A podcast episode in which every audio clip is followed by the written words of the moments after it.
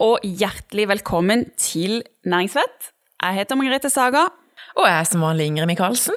Dagens gjest det er en av Norges mektigste og rikeste kvinner, nemlig Elisabeth Grieg, som er styreleder i Grieg-gruppens holdningsselskap og medeier i Grieg-gruppen. Velkommen til deg. Tusen takk for å bli invitert. Det er veldig hyggelig å være her.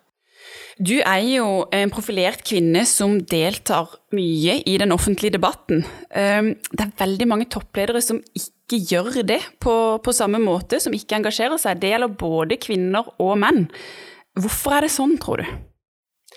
Nei, altså jeg har jo da i det siste spurt spørsmål om uh, folk når jeg snakker til mennesker, om, eller forskjellige, på forskjellige konferanser eller arenaer, om hvem som er uh, konsernsjef i Equinor. Det er eh, ganske få som vet det. Mm. Og det er jo en refleksjon. Og jeg mener at med de store utfordringene vi står i i vårt samfunn, hvor næringslivet er en viktig del og skulle levere de gode løsningene for det grønne skiftet, eh, vi snakker teknologiutvikling, innovasjon på et nivå som, eh, som iallfall er svært krevende, og som vi kanskje ikke har sett på lang, lang tid. Eh, da tenker jeg at det er viktig at toppledere også er med i debatten i samfunnet, fordi at vi må jobbe med dette sammen. Vi må jobbe sammen med nasjonale myndigheter, internasjonale myndigheter, med akademia, med eh, NGO-er eh, og næringslivet sammen for å kunne løfte de store endringene som skal til. Men du blir jo noen ganger stående altså, Det er jo ikke så veldig mange andre som er like tydelig ute som toppleder som deg. Det er ikke en drøss av de i Norge. Eh, det må vi være ærlige på. Eh, koster det deg noe å ta ordet og mene noe eh, i den offentlige debatten, eller sier du som regel alltid ja når journalistene ringer? Jeg sier ikke alltid ja. Uh, og, og, det som også er viktig for oss i Grieg-gruppen, er jo det at vi skal ha flere talspersoner. Det er mange som, uh, som, kan være med og bidra til at vi gjør Grieg-gruppen synlig, slik at vi blir en enda tydeligere og mer attraktiv arbeidsplass. Så det, det, er viktig å si. Betyr det at du faktisk sier til de ansatte kom igjen? Eh, altså at dette er bevisst eh, å ta inn et mangfold, men også at du inspirerer til å ta plass i den offentlige debatten? Ja, jeg, jeg mener jo det at selvfølgelig er det en fin balanse, for det, når det handler om bedriften og det vi holder på med, så vil jo det det, for at man skal på en måte bli bedt om å være, mene noe, da, så må det jo handle om noe av det som er en del av det vi driver med. Eh, men, eh, men, absolutt oppfordre til at man er med i eh, det offentlige rom, for jeg tenker at jo flere, jo bedre. Du er jo sjøl en ganske sånn privilegert eh, situasjon, fordi eh, du har den rollen du har. Eh, Kapital har renka deg som Norges 13. mest mektige kvinne, og det er jo ikke så mange som kan sammenligne seg med deg på den måten. Gjør det at det er lettere for deg å stikke hodet fram og si 'her er dette, mener jeg'? Det spørsmålet ble jeg jo spurt om fra tid til annen, men det er klart at jeg startet også et sted. Hvor jeg ikke var, var noen som visste hvem jeg var, eller, eller, eh, eller, eh, at jeg hadde den muligheten som jeg hadde. Men jeg har vel alltid hatt denne motoren i maven om at jeg ønsker å gjøre en forskjell. Og for å gjøre en forskjell, så må du gripe den makten du får mulighet til å ta. Og det har jeg gjort eh, gjennom et langt liv. Eh, og så er jeg klar, klart at jeg er blitt flinkere kanskje til å ikke gjøre som jeg husker det var noen, eh, noen venner av meg som skulle holde tale til meg på en eller annen bursdag, og så sa jeg ja, du kan være med i hvilket som helst slags debattprogram, for du mener jo faktisk noe om absolutt alt. Og det er nok eh, kanskje riktig, men jeg har prøvd å bli litt mer enn nå. Jeg, jeg mener at vi står i så store utfordringer med klimakrisen i verden i dag, og alle andre utfordringer som er globale, de krever at vi alle sammen stepper up og jobber for at vi skal finne gode løsninger. Eh, og der må man konsentrere seg om det. Ja, for I et intervju i DN i sommer så sa du bl.a. at vi går glipp av kompetanse når kvinner velger bort næringslivet. Hva går vi glipp av? Altså, vi går jo glipp av den kompetansen som de kvinnene har. Eh, og så går de et annet sted eh, enn til næringslivet. Og det er jo verst for oss i næringslivet. Mm. At vi faktisk ikke klarer å gjøre oss på en måte attraktive nok, også for flinke kvinner. Så det, jeg mener at vi har et stort ansvar for å synliggjøre at det faktisk både er veldig kjekt, og det er viktige oppgaver som skal løses i næringslivet i de neste 10-15-20 årene. Men hva er det som gjør at kvinner faktisk velger bort næringslivet av og til, da? Nei, jeg vet ikke om det kan, eh, kan handle om rollemodeller. Eh, til, en viss grad, iallfall. Eh, at man tenker at her er det ikke rom for meg. Det er bare å se på hvem er liksom ledelsen, hvem er ledergruppen, hvordan rekrutterer man.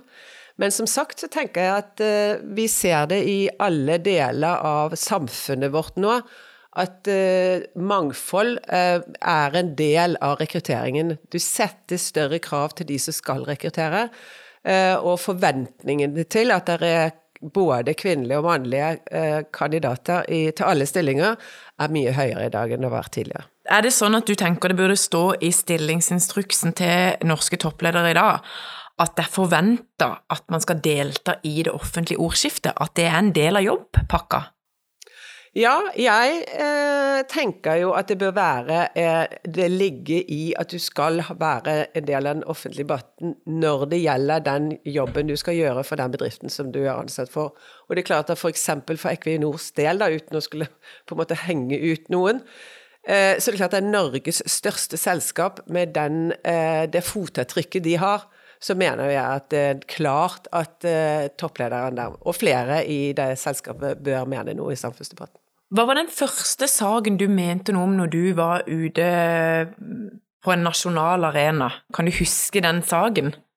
Det kan jeg huske veldig godt, for det var uh, rundt 2000. Da jeg, uh, var det et debattinnlegg i, DN, tror jeg, om grunnen til at ikke vi hadde flere topp, kvinnelige toppledere i norsk næringsliv var at for å være norsk toppleder, eh, så måtte du jobbe 24 timer i døgnet, og det var kvinner verken kapable eller villige å gjøre. Nei, ikke sant. Så det gikk jeg da tilbake igjen og skrev et eh, innlegg og sa at det er jeg helt uenig i. Eh, for det første så trenger du ikke jobbe 24 timer i døgnet, du skal ikke jobbe 24 timer i døgnet. Og vi kvinner ønsker ikke å bli satt på sidelinjen, vi ønsker å ta del i den makten som det er å være i ledelse i, i næringslivet, og den makten må vi ta. Det eh, innlegget fikk veldig mye eh, oppmerksomhet. Eh, og jeg ble etter det bedt om å sitte i styret i Norsk Hydro, som da var mitt første store styreverv utenfor krig. Så du synliggjorde det? Ja. Det å mene noe om den saken gjorde jo da at du ja, fikk en fot ja. inn. Ja. Opplevde du backing fra andre kvinner når du mente noe om den saken, eller sto du alene? Nei, jeg opplevde at det var veldig stor grad av backing. Eh, og, og en, en, en, av de, eh, Hege Melhus, som, som har vært en, en, leder i norsk næringsliv gjennom et langt liv, hun, hun ringte meg og lurte på om ikke jeg kunne bli mentoren hennes. Hun er jo kanskje ti år yngre enn meg, og da følte jeg meg veldig gammel. Men, men, vi har hatt veldig mange gode samtaler siden det. Så det innleder et slags mentorvennskap også, ja. på en måte? Dette høres kanskje ut som et litt sånn rart spørsmål, men har du noen tips til noen som, eller til andre kvinner som ønsker å gå inn på den offentlige debattarenaen? Hvordan kommer man i gang? Jo, jeg tenker jo det at uh, man skal kjenne litt på hva er denne drivkraften, hva er denne motoren i magen, hva er det jeg ønsker faktisk å bidra til? Og prøve å definere det. Og så må man begynne å mene noe. Og da kan man jo begynne i, på sine egne sosiale medier. Man kan begynne med å gå i bransjemøter eh, og, og, melde seg på spørsmålsrunder. Eh, man kan bygge nettverk, eh, skaffe seg mentorer. Plukke opp telefonen eller sende en mail til noen man ønsker skal være med og bidra. For jeg tenker jo litt også det at hvis jeg ser tilbake på karrieren min, så, så, var det veldig ofte det var noen som så meg, eh, og kanskje hjalp å åpne en dør. Eh, og så må du gå gjennom den døren selv. Men at man på en måte utvider nettverket sitt da, for å, for å få muligheter som man kanskje heller ikke eh, ellers ikke hadde fått. Og så alltid følge både motoren i maven, men også den integriteten om at det du driver med, det tror du på. Altså, Nicolai Tangen, jeg har bare lyst til å nevne han. Han er jo en kristiansander, selv om han har bodd veldig veldig lenge vekke. Han er det jeg vil betegne som en ekstremt synlig leder i den offentlige debatten. Er det bare positivt, eller tenker du at det kan ha noen sånne downsides også? Ja, altså i, eh, i, eh, debatten så vil det alltid være noen som eh, mener at noen mener for mye. Jeg syns ikke det er befriende. Og, men jeg kjenner ikke Nicolai Tangen, bare sånt jeg er Nei, men, men, men, gjør det noe bra for Oljefond også å ha en så synlig leder? Ja, jeg tror det. Altså, dette er jo et, et, et utrolig viktig posisjon i det norske samfunn. Det er veldig mye makt som er knyttet til den stillingen. Eh, og det å da ha en synlig leder som, eh, som er villig å dele og by på seg selv, det syns jeg er befriende. Tror du flere bedrifter kunne ha dratt nytte av å ha en synligere leder? Ja, jeg tror igjen tilbake til saken, da. Eh, at hvis vi virkelig skal klare å få til de store utfordringene vi står i i samfunnet vårt og på kloden vår nå, så må vi løfte i flokk. Og da er det klart at vi må bruke alle de mulighetene vi har til å, å synliggjøre det. Da blir det siste ord for i dag. Tusen takk for at du kom til oss. Takk for invitasjonen.